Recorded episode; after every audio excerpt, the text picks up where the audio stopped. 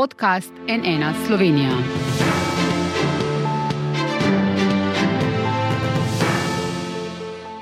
Dober dan, to je NN Studio. Slovenija ima prvič predsednico republike. Pravnica Nataša Pircmusar je včeraj skoraj 54 odstotno podporo premagala poslanca SDS Anžeta Logarja. Najvišjo politično funkcijo v državi bo odboru Tapahorja prevzela 23. decembra.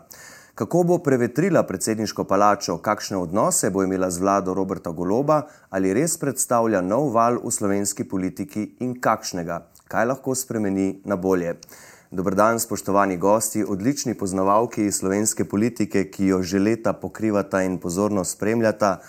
Naša direktorica in urednica na NN Slovenija, Katja Šuruga, pozdravljena. Živijo. In kolegica z televizije Slovenija, novinarka, komentatorka in voditeljica Tanja Starič, živijo pozdravljena. Lep pozdrav. Najprej tisto klasično vprašanje za obe, kaj se je zgodilo na volitvah včeraj, je res največje presenečenje višja udeležba kot v prvem krogu, kar se je na zadnje zgodilo leta 2007, ko je zmagal Danilo Tirk, kar je v bistvu povedno. Eh, je to največje presenečenje ali vaju je morda bolj presenetilo kaj drugega, Katja? Eh, vsekakor ni pogosto, da je volilna udeležba v drugem krogu predsedniških volitev višja kot eh, v prvem krogu. Tako kot si rekel, to je se je zgodilo leta 2007.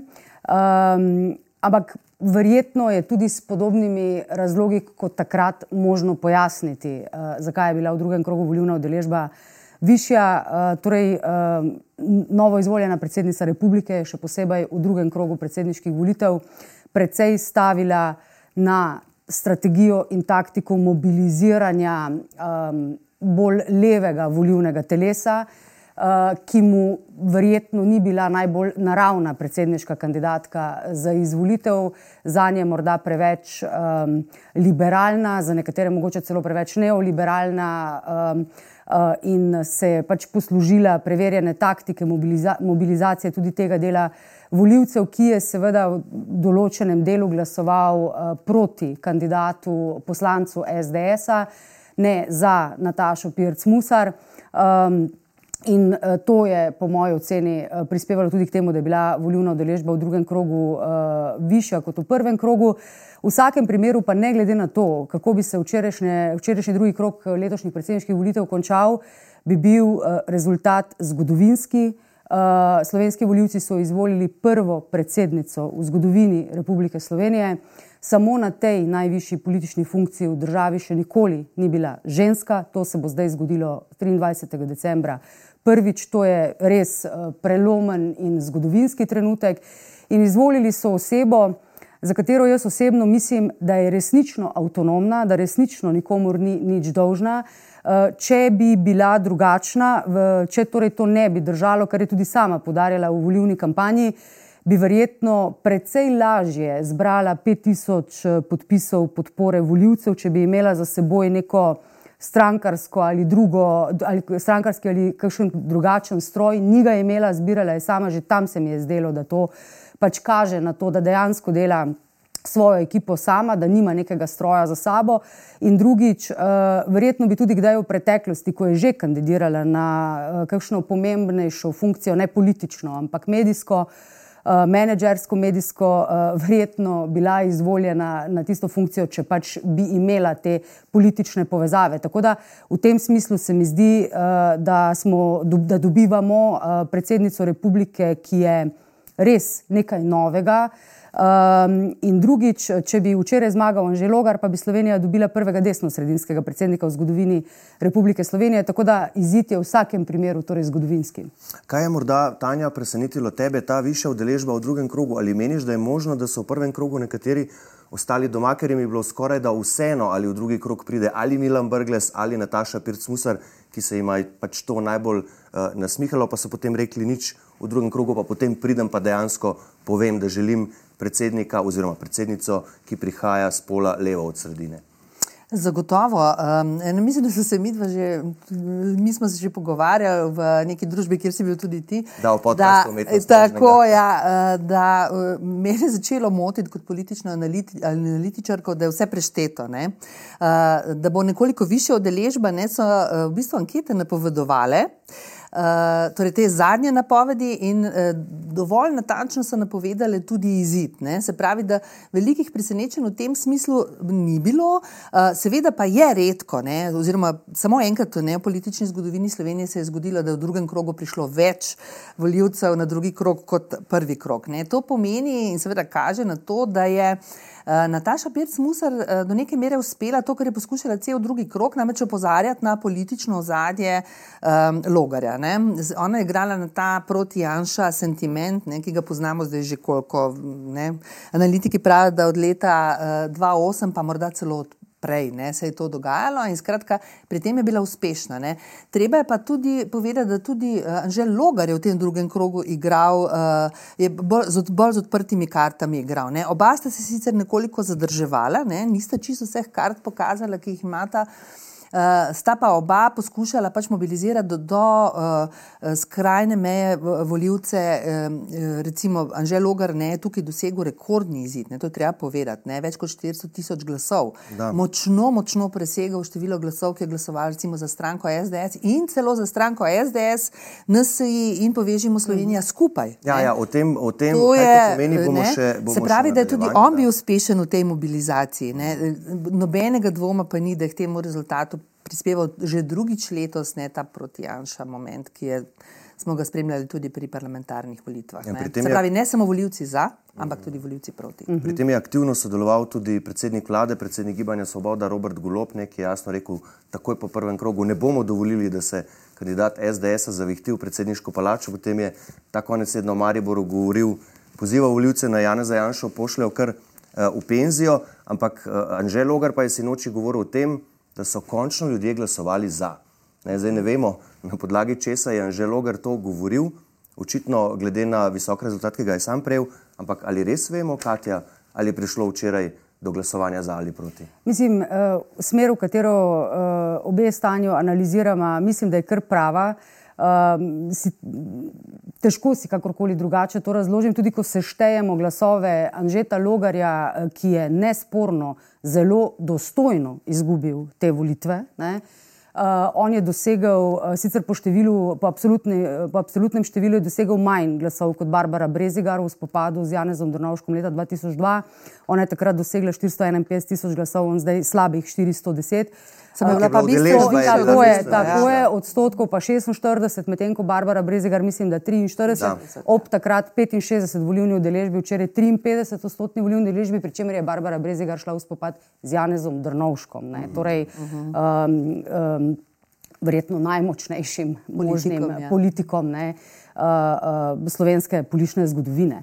Um, ampak uh, uh, si ne znam predstavljati uh, drugače, kot tako, da je Anžel Logar uh, zmobiliziral glasove prejšnje vladne koalicije. Recimo, uh, mislim pa, da mu ni uspelo seči čez, torej prebiti um, čez, uh, čez, uh, čez proti levi sredini, recimo na levico, tako ali tako ne bi mogel, si predstavljam. Uh, kar pa pomeni, da voljivci njegovim zagotovilom o neodvisnosti, avtonomnosti, kljub uh, velikemu trudu Anžeta Logarja, da bi voljivce v to prepričal, tudi rekel je, naj mi dajo priložnost, ne, uh, da mu pa to ni uspelo. Ne. Ta senca uh, predsednika SDS-a Jane Zajanše je bila.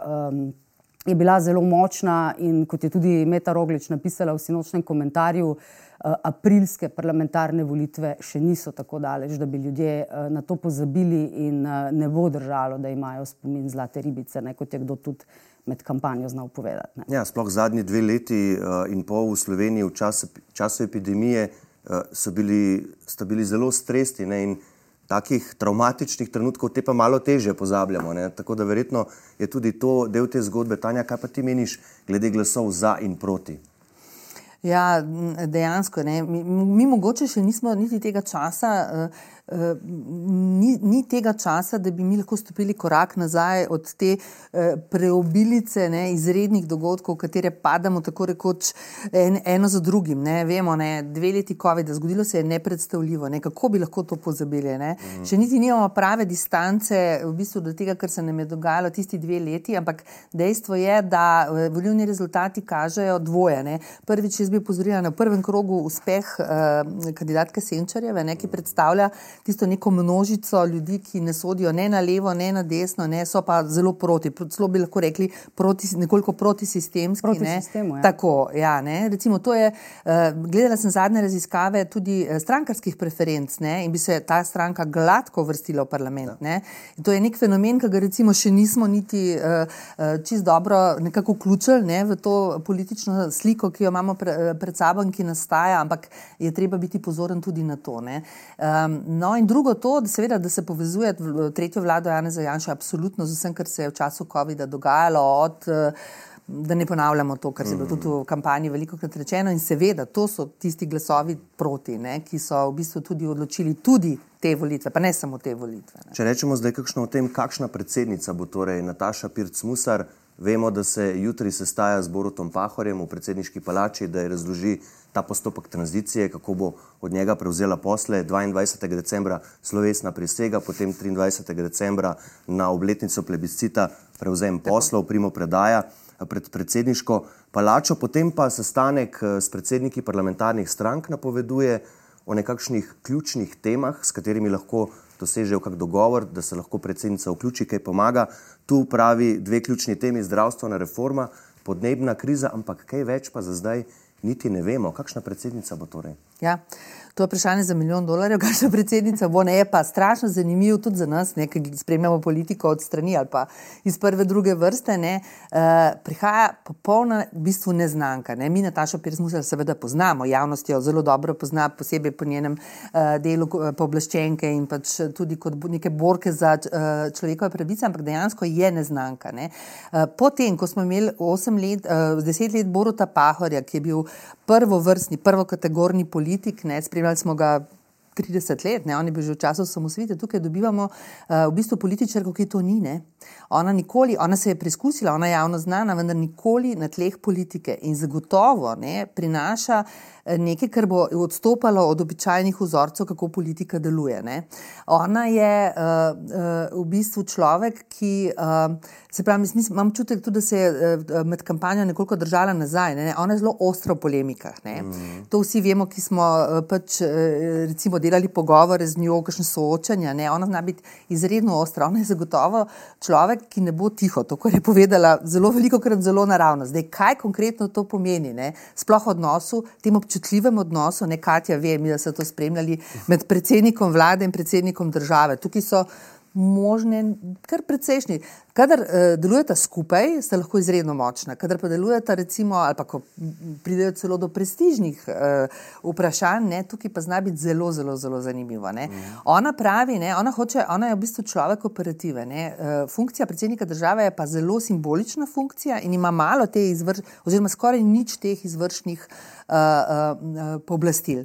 In kaj zdaj to konkretno pomeni, ko bo prišlo do recimo zdravstva? Zdravstvo je, ni, je v operativnem smislu stvar vlade, ne predsednika države. Ne? Zdaj, ona lahko tukaj eh, odigra zelo pomembno aktivno vlogo, recimo poveže politike recimo okrog nekega vprašanja, lahko pa tudi prija do težav. Ne? Ko si rekla človek operative, sem se takoj spomnil na predsednika vlade Roberta Goloba. Tudi njega lahko označimo kot takšnega, kako ti vidiš, Katja, njuno sobivanje. In kako se bo po tvoje pri Nataši Pircmusar poznal ta manjko političnih izkušenj? Ne? Tu je predsednik Pahor res poznal vse, lahko je kadarkoli, kogarkoli poklical, vedel, o čem se bo z njim pogovarjal, na kakšen način, kaj te stvari politično pomenijo. Pri Nataši Pircmusar seveda tega občutka ni. Kaj pričakuješ? Mislim, torej, uh, odhajajoči predsednik Pahor je edini politik v državi, ki je zasedal vse tri najvišje in najpomembnejše uh, politične funkcije, bil predsednik eh, vlade, bil predsednik državnega zbora in uh, predsednik republike dva mandata. Tako da seveda nobenega dvoma o tem, da je res izurjen na političnem parketu. Nataša Pitsmusar, kot je rekla tudi Tanja, seveda to ni. Um, to ni nujno slabo, uh -huh. to res ni nujno slabo. ampak bomo videli, kako uh, se bo znašla. V zgodovini smo že videli uh, na funkcijah ministrov in ministric, recimo ljudi, ki so prihajali iz akademskih krogov, torej izven politike, ki so bili sicer vrhunski strokovnjaki na svojem področju, ampak spodrsnili so ravno na polju uh, politične obrti. Uh, Nataša Pirc-Musar, uh, tega danes nikakor ne moremo ocenjevati, kako bo ona uh, tukaj spretna, ampak načeloma ta perspektiva, da ne prihaja iz tega igrišča politike, jaz v tem lahko vidim tudi prednosti. Seveda je pa od njene spretnosti odvisno, uh, kako, bo, uh, kako bo drsala, drsala po tem uh, parketu. Seveda je zelo pomembno, mi dve stanjo se obe spomniva časov, ko so bila vrata med uh, vladno in predsednikom. Zaklenjena. Zaklenjena, zazidana. Ne? In še kaj, verjetno, ne? ko ni bilo komunikacije med premijejem in predsednikom, to seveda ni dobro. Ne? To v nobenem primeru ni dobro. Tukaj bo verjetno Nataša Pirc-Musar morala kdaj, eh, tudi strinjam se s Tanjo, ona zagotovo ne bo tiho, ne? Uh, ampak verjetno bo morala odmeriti, kdaj bo šla kako daleč. To, uh, ker to lahko vpliva na njene odnose z najpomembnejšimi drugimi politiki v državi.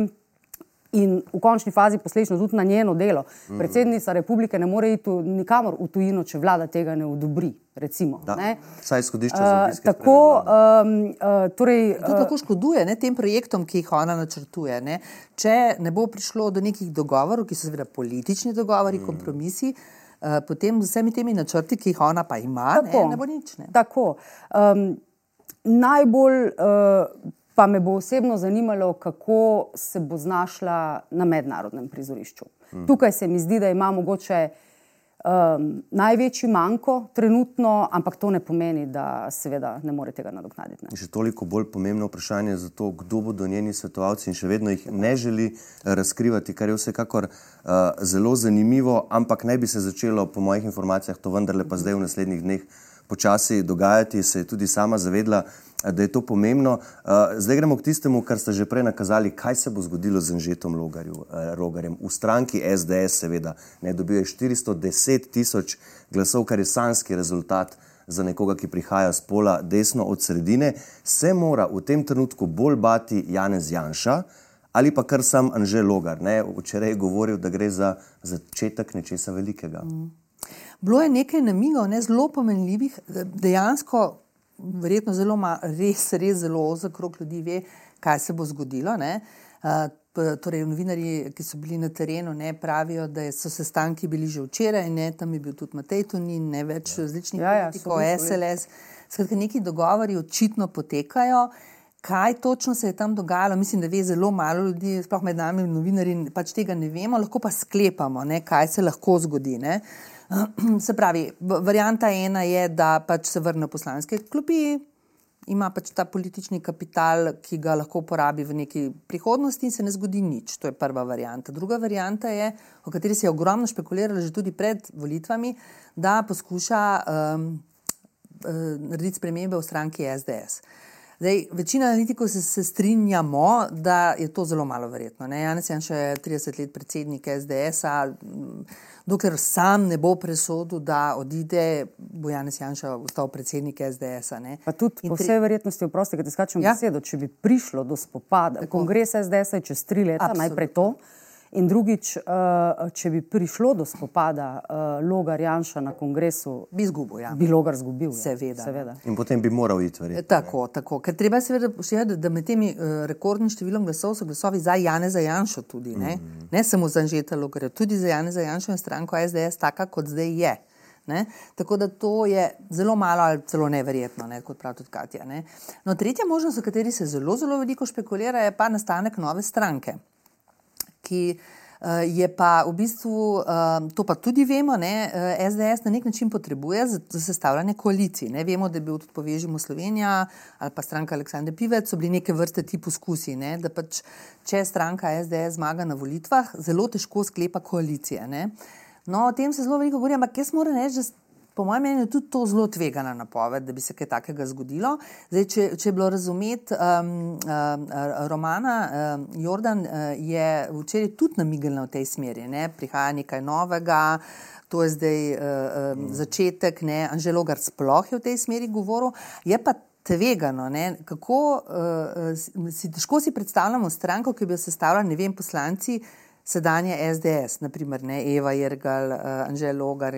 To, to bi v bistvu pomenil na nek način razkol v SDS-u, ki pač vemo, da ni ne, uh, uh, dobra popotnica potem za stranko, ki namerava zmagati na volitvah. Je pa Eva Irgl, se upravičujem, ne ja? v tem studiu rekla v podkastu pri Suzani Lovec s Pavlom Gantarjem, ne, da bo Anžel Logar moral dobro razmisliti, ja. kako bo ta svoj ja. politični kapital unovčil. Tu je treba spomniti čez leto in pol. Ne, spomladi 2024 so volitve v Evropski parlament. Ja. Že Logar je tam že bil, ampak kot asistent pri Evropski ljudski stranki, evropski poslanec eh, še ni bil. Kar je bilo meni eh, sinoči zanimivo, on je na novinarsko, skratka, zelo odmerjeno se je pojavljal v svojem štabu pred kamerami. Za razliko od prvega kroga. Da, takrat bil, eh, sem bil jaz, namreč v prvem krogu v njegovem štabu in lahko iz prve roke povem, da smo ga imeli na voljo 15, po 15 minut je prišel ven, oddelal z vsakim novinarjem, pogovor ni bil noben problem. Sinoči pa drugače, so bili hermetično zaprti v zgornjem nadstropju, je prišel dol in dejansko je na novinarsko vprašanje odgovarjal samo tam nekje do 20 ure, ko je še rekel, da vendarle upa, da tli upanje na nek preobrat, potem ko je pa postalo 100% jasno, da je izgubil. Pa na vprašanje ni več odgovarjal, na vklopih se je slišalo samo še gospod Logar, gospod Logar, ker smo pač vsi leteli za njim ampak ni odgovarjal na vprašanje. Ali to kaže Katja, da je tudi sam v nekakšni zadregi, stiski glede teh vprašanj? Ker seveda, ko smo ga v kampanji eh, spraševali o njegovih prihodnosti, sem rekel, moja prihodnost je biti predsednik republike, sem pripričan, da bom zmagal. To je, to je bil odgovor na vsa ta vprašanja, uh, uh, ki smo mu jih novinari postavljali v času te kampanje. Torej, jaz mislim, da je to bila nesporno najpomembnejša politična tekma v politični karieri Anžeta Logarja. Uh, ali bo kakšna še večja? um, v tem trenutku ne vidim, da bi se to zgodilo. Prvič iz razloga, ki smo ga prej omenili, torej. Uh, Anžel Logar bi lahko prevzel vodenje stranke SDS samo tako, če bi se s tem strinjal tudi Janez Janša. Niti enega signala, tudi najmanjšega, ne, v to smer ni, da bi Janez Janša bil pripravljen se stopiti iz, uh, vodje, iz, iz pozicije predsednika SDS-a in razglasiti nasprotno, tako uh, zelo dela na referendumih, zelo resno se pripravlja na lokalne volitve, tako je, ravno nasprotno. Torej, v tem trenutku ni enega signala, da bi bilo kaj takega možno. Drugič, ocenjujem, kot sem rekla že prej, da bi se Logar spopadel z Janšo za prevzem stranke. Ne vidim, poleg tega ocenjujem, da bi tudi izgubil ta spopad, kar pomeni nova stranka, recimo kot še ena teoretična možnost. Tudi ne vidim. Eh, ne vidim v tem trenutku niti prostora za njo na desni sredini, čisto iskreno. In B, Logarjeva kampanja v predsedniški tekmi je bila zasnovana na način, jaz se vam predstavljam takšen, kot sem.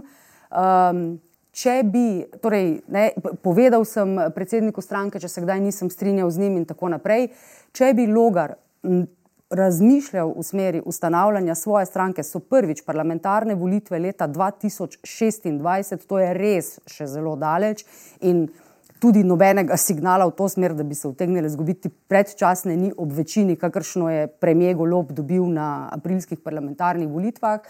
In B, Logar bi bil absolutno percipiran in takrat pa res potem dokončno kot satelit Jane Zajanše. Ne? Vsi bi vedeli, da je to stranka, ki, ki bi koalirala, ki je narejena za to, da bo koalicijski partner, torej hegemono na desnici, ki pa ostaja ta, ki je, ki je že 30 let kar pomeni, da mu ostanejo še evropske volitve, da kandidira v Evropski parlament, ki so maja leta 2024.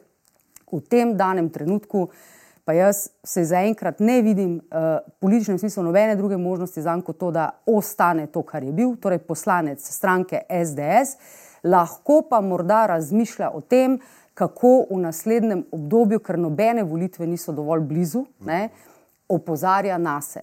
Zdaj pa Nekateri na desni sredini so si noči razmišljali o neki civilni platformi, o različnih, republiko? o različnih možnih scenarijih, ne, uh, tako da bomo videli, kaj bo dejansko naredil. Po vsej verjetnosti bo slejko prej to tudi javno verjetno pojasnil, ampak da bi se pa resno politično, torej ne, uh, nekje pojavil kot resen igralec, v tem, Alternative, vsaj v ne, tem trenutku jaz te možnosti za ne vidim. Vprašanje Jaz bi sem to dodala, prosti, Ja. ja. sem to, uh, tudi Milan Zver, ne, če se spomnite, je pa sicer dosegel bistveno slabši mm. rezultat, je takoj po volitvah za predsednika države, kjer je Šel kandidiral, šel, eh, kandidiral na evropskih volitvah. Ne. Jaz sicer mislim, da neki signali, ne, mečken se mi zdi, da je treba vsem biti pozoren na to, kar se dogaja na desni sredini, ker vso to. Uh, um, vsi te, vse te izjave kažejo v naslednjo smer. Ja, strinjamo se s stališči, ki jih zastopa stranka, ja, uh, to je naša politika, uh, vendar um, predlagamo oziroma podpiramo drugačno komunikacijo. Ne? Tako je bilo razumeti in Romano Jordan, ki vemo, da se je odcepila Že od SDS-a. Do neke mere tudi Evo Ergel in uh, samega Anžeta Logarja. Ne? Mogoče bi uh, vendarle bilo v prihodnosti um, pametno malo se ozreti na to, kaj se dogaja na desni sredini, ker očitno en del, delček ljudi, ki so tudi pomembni uh, v, na tem političnem polu, se vendarle ne vidi v načinu, kako uh, komunicira ta stranka, zlasti na Twitterju in na vseh teh družbenih omrežjih. ne. Zagotovo, Ja. zagotovo. Že v času te kampanje sem prepričana, da je znotraj SDS-a uh, se začel pri nekaterih posameznikih razmislek o tem, torej tukaj je Anžel Logar, uh, lahko so ga dojemali kot neko vzhajajočo zvezdo politično desne sredine, um, ampak potem, ko je izgubil te volitve, je pa zdaj ujet uh, v situacijo, v kateri je bil prej. Ne? In v tem trenutku se jaz ne vidim, da bi imel nek res velik politični ne, izhod iz tega, ki bi lahko bil uspešen. Tako da bo verjetno moral najti nek drug način, vsaj nekaj časa, kako bo opozarjal nas, če ima resnejše politične ambicije tudi v prihodnosti, kar pa ne dvomim, da jih ima. Ker on je nekako rekel tudi v teh predvoljenih soočenjih, da vedno, ko so bila kakšna ne vem, večja strinjanja, nestrinjanja v stranki, je šel on kot v neko hibernacijo. Ne, to se mu je v karieri zgodilo že To je pri vas rekel, ja. Pri da je nas- potem študiral. Ne, da je potem študiral, da je potem študiral ne, in, da, in se posvetil sebi. Vprašanje pa je, če si lahko zdaj, ko si je tak politični kapital zgradil in ko do naslednjih volitev še toliko časa, če si lahko takšno hibernacijo privošči, ker politični kapital eh, se lahko hitro zapravi. Kaj pa njun odnos z Natašo Pircmusar? Ali to morda kaže neko lepšo podobo slovenske politike? Dobro, včeraj so se potem nekateri vtikali v to, da jo je na odru uh, uh, še vedno nazival, čeprav je bila že novo izvoljena predsednica z Natašo, uh -huh. ne z gospod Pirc Musar, ampak tudi. Je pa Uh, tudi ona njemu govorila, Anže. Ne? Res je, res je in prav prisrčno sta se objela, ne, ko jo je on počakal na gospodarskem razstavišču. Ampak gre tu tudi Danilo, Danila Tirka, podpornika Nataša Pirc-Musar, nekdanjega predsednika, je bilo razumeti v tej smeri, da gre za novo generacijo v slovenski politiki. Moramo biti tudi s tem vsi zadovoljni, eh, čeprav je skoraj eh, polovica volivk in voljivcev vendarle ostala doma. Mm. Mogoče sem na prejšnjo temo, karkoli se bo zgodilo, se ne bo zgodilo brez vednosti Janeza Janša. ne. Vsaj v tej fazi so stvari postavljene tako, da uh, uh, se to ne more zgoditi brez njegovega mm, dogovora ali pa vpliva. Ne. Ta hip je še tako, ne bomo videli, kaj bo v prihodnosti. Ne. Okrog odnosa, eh, jaz sem to že večkrat rekla, ker sem že zelo veliko kampanj spremljala in tudi vodila, ne, eh, ta zadnja soočanja dejansko se spletejo med temi kandidati, mm. ki, s- n- ki res zelo, zelo veliko število ur in dni preživijo skupaj, ne sploh ti, ki so imeli zelo dolge kampanje, ne, se splete nek oseben odnos. Ne. D- Ta kandidat v bistvu več časa kot svojo družino preživi z kandidatom, pijejo skupaj kave, ne. To ne pomeni, da so prijatelji, oni so tekmeci, to, da se razumemo. Ne. Ampak se pa tudi na tej osebni ravni nekako spoznajo. Ne. E, e, Ta njun odnos. Mm, eh, Zdaj, generacijsko, ja, zagotovo je prišlo do spremembe generacij v smislu, da se poslavljajo še zadnji politiki, ki so bili aktivni v času samosvojitve. Ne. Starostna razlika ni zelo velika med njimi, pa vendarle golo pošilja Janšo v, v pokoj, čeprav ne vem, mislim, da niti ni tako strašna, da bi to bila že generacijska uh, vrzel med njima. ne. Uh, jaz bolj vidim v, v smislu um, te preteklosti. Ne. Prihajajo poli, politiki, ki niso bili aktivni 10, 20 in celo 30 let nazaj. Bolj tako, tako sem razumela vse te. Um, Uh, um, ta navajanja, ne, prihaja nova generacija. Ne. Prihajajo pač ljudje, ki politiko niso doživljali od blizu, oziroma niso bili akteri politike v nekih časih, ki so lahko za velik del javnosti tudi kontroverzni. Uh, uh, se pravi, od časa osamosvojitve do časa privatizacije ne, in tako naprej. Ne. Tako da neka sprememba to zagotovo je. Ne. Kaj uh, pomeni ta neodeležba, ne, ko praviš, da 50 odstotkov ljudi ostaja doma? Uh, ja, z, zaradi razmer, kakršne so, ne, zaradi teh, uh, teh brutalnih konfliktov med uh, blokoma, med določenimi politiki in tudi tem, kar se dogaja na družbenih omrežjih. Uh, omrežji, ne, je um, v bistvu abstinenca, po mojem mnenju, uh, posledica tudi tega. Ne. Pa tudi te zbeganosti, ki je nastala pač po času, po COVID-u, ki v bistvu uh, nas vse spravlja v neko hudo negotovost in če ljudje nimajo odgovorov, pač na volišča ne grejo. Ne. Smo pa vsaj obrnili trend na to, moramo, s tem moramo ja. biti seveda zadovoljni. Na zadnje 2017 je bilo v drugem krogu 42 odstotna udeležba, zdaj 53 v drugem krogu vendarle. Pa tudi to moramo ugotoviti, prosti, ker skačemo v besedo. Ta predsedniška kampanja, uh, začenši s prvim krogom in potem tudi v drugem, je bila res na nivoju. Mm. Ne, v tej predsedniški kampanji ni bilo niti enega predsedniškega kandidata, ki bi bil tam zato, da bi. Morda kordiš, morda kordiš Dobre, v enem delu. v enem delu, morda. Ampak vseeno je bila pa tako na, nek, na, na res višjem nivoju, mogoče kot kakšna kdaj prej, še posebej pa v drugem krogu sta oba kandidata res veliko stavila na sicer občasna ne strinjanja, ampak istočasno smo pa včasih imeli malo težave ne, razbrati mm. za res vsebinske razlike na nekaterih točkah med njima. Ampak sta se pogovarjala, tudi kadar se nista strinjala, zelo spoštljivo in umirjeno. To sta, prav, to sta oba želela zelo poudariti in verjetno oba s tem Eh, tudi prispevati k nekemu umiranju, čeprav zadaj je divjala pa kar vojna. Uh, so mogoče drugi opravili ja, na mesto ja, ja. njiju, ne? No, tako ona dva mazala, ja, tako, ja. ona dva si nista mazala rok, ne, okay. um, ampak v osnovi uh, pa nimam razloga, da ne bi verjela. Um, Da je odnos, ki sta ga spletla na tej čisto osebni ravni, med njima res iskren pristan. Sej, če ne, pristan, ja. če ne jo niti ne bi mogli ne v petek tu v tem studiu na tem mestu pustiti sama. ja. uh, za, več kot, za več kot 30 minut in moram reči, da se je kar uh, dobro obneslo. Zadnje vprašanje. Uh, koalicijo in opozicijo zdaj čaka težaško delo, morda celo dveh krogov lokalnih volitev in kar uh, treh referendumov, torej referendumov o treh zakonih. Je to v tem trenutku večji problem za koalicijo, glede na sinočni razplet? Logar rezultat kaže potencijalni domet nasprotnikov zakonov, ki je zelo veliko čez kvorum. Kvorum eh, nasprotnikov zakona, ne, ki mora priti in glasovati proti za to, da zakon eh, pade, seveda, če jih je več kot tistih, ki so za zakon, je 340 tisoč. On jih je pa zbral 410 tisoč in to je nek potencijalni domet. Je torej Tanja to zdaj problem za koalicijo? Uh, definitivno, ja, najprej mogoče sem na število volitev. Ne. To pa tudi ne pomnimo, ne, da bi mhm. prav vsako nedeljo v uh, določenem mesecu šli na volišča. Ne. Treba pa potolažiti državljane, potem pa dolgo ne bo. Dolgo ne. Ja.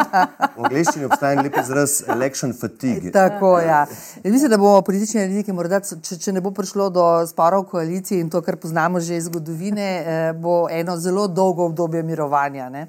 Skratka, zelo intenzivno uh, se dogaja zdaj tako. Uh, pomladanske volitve so uh, bile presenečenje v toliko, ne, da je ta velikanska količina glasov, ki je dobilo gibanje Svoboda, tudi to je dejansko bilo presenečenje. Ne. Kot smo se že prej pogovarjali, veliko glasov proti, posebne okoliščine po COVID-u. Zdaj je že v drugo se zgodilo to, da je pač zmagala kandidatka tako imenovane leve sredine, torej so bili tudi glasovi proti vključeni. Zdaj, če koalicija računa na to, da bo šlo še v tretje, ne, zdaj pa govorimo o referendumih, ne, skratka, da bo dovolj, da bodo prišli in bodo rekli: ne, gledajte, glasujte za proti ne, uh eh, -huh. Ne vem, prevzemu RTV strani določene opcije, ne. ja, uh, opcije uh, mislim, da se lahko vštejejo. Jaz mislim, mhm. -huh. da bo pač uh, vlada predlagala te zakone in vlada jih ne brani. Ne. Jaz je ne vidim nikjer. Uh, res je, da so zelo intenzivne. Uh, pač no, ampak to je problem, ne spomni se, da je absolutno problem. Tega tira, ja. takrat je Miro Cerar potem odstopil, ne, ja. vlada ne bi smela ja. takrat zagovarjati samo argumentov za zakon. In odstopila je tudi, ne. recimo, Pahorjeva vlada je padla v to globoko eh, krizo in potem tudi uh, padla po, po padlih referendumih. Ne. Ti se spomniš, da so takrat pokrivali te, te, te referendume. Ne. Referendumi so zelo pomembna stvar ne. in računati, da bo samo po sebi ljudje prišli na volišče zato, ker pač ne, tretjič v enem letu je, po mojem mnenju, uh, huda zabloda. Ne. Mislim, da bo morala vlada tukaj začeti uh, pač neko kampanjo, pokazati kaj več kot to, da je pač slika predsednika države in spodaj piše za. Ne. To je edino, kar sem recimo jaz zaznala v smislu kampanje. Lokalne volitve sem to še mogoče, so pa specifika. Tam pa. Tam vsi zmagajo. Tako, tam vsi zmagajo. No, se to je uh, eno od pomembnejših vprašanj letošnjega supervolivnega leta in štirih ali petih zaporednih uh, volivnih nedelj se jih niti več ne znamo. Težko je vse Tri so zapored, pa še ena je bila predtem, pa še ena bo zatem. Ja. Kje se bo poznala ta utrujenost od demokracije? Ne? Uh, katere volitve, torej predsedniške, uh, ne, ne? Uh, vseeno 53-odstotna volilna deležba v drugem krogu, ne? lokalne so vseeno drugačne, gre za izvršno funkcijo, gre za lokalno okolje, gre za skupnosti, ne? v katerih ljudje res vsakodnevno uh, bivajo. Tako da tukaj morda so referendumi lahko malo ogroženi v smislu volivne udeležbe, ki pa je na desni strani veliko bolj disciplinirana in kot ti seštevaš, ne, lahko pride čez, lahko pride čez kvorum, ampak vendarle pa mislim, da tudi tukaj se jaz še ne bi podcenjevala anti-janša uh, momenta. Um, ki bo verjetno tudi na referendumih, um, vsaj do neke mere, mobiliziral pa glasove za. Uh, Tako da bomo videli, je pa za koalicijo, seveda, so ti trije referendumi, pa ena večjih preizkušenj, zagotovo. Tudi strani predlagateljev, se pravi SDS-a, ne skrivajo, da je to za njih morda celo najpomembnejši projekt po parlamentarnih volitvah, morda celo bolj pomemben kot recimo volitve za predsednika države. Čeprav grejo tudi na lokalne, ne? kar nekaj poslancev SDS-a so poslali mm. kandidirati za župane. Mm -hmm. Se pravi, tudi tam vidiš, da skušajo um, utrjevati uh, ali pa povečevati uh, svoj vpliv. Kar pa še enkrat več pove, da uh, torej sedanje vodstvo SDS-a ne vhaja nikamor. Ne? Mm -hmm. In tudi morajo oblažiti vse te poraze. Ne moreš na vse volitve in na vseh volitvah izgubiti. Ne. Zato je zelo pomembno, so lokalne volitve, kot praviš, ampak res v specifičnih okoljih, ja. ker je, vemo, da je Slovenija zelo, vemo, kako je pobarvana in kako, kako volijo mesta, kako volijo kakšne pokrajine in tako naprej. In referendumi. Mislim, da bodo referendumi res ključna točka in mislim, da ta vladna stran, ki res nima nekih bogatih političnih izkušenj, jih tudi ne more imeti, morda se tega ne zaveda čisto dovolj no, ali pa premalo. No, sem z nekaterimi iz glavne vladne stranke bil na zvezi in so mi nekako rekli, da zdaj bodo pa tudi sami morali v večji meri iti na teren, se potruditi, ker se zavedajo, da je pred njimi težaško delo. Bomo pa videli dejansko, kako se bodo tega lotili, glede na to, kakšne izkušnje imajo doslej. Za danes pa, spoštovani gosti, draga Katja, draga Tanja, najlepša hvala, da ste prišli v ta studio. Hvala tebi. Hvala za vabilo.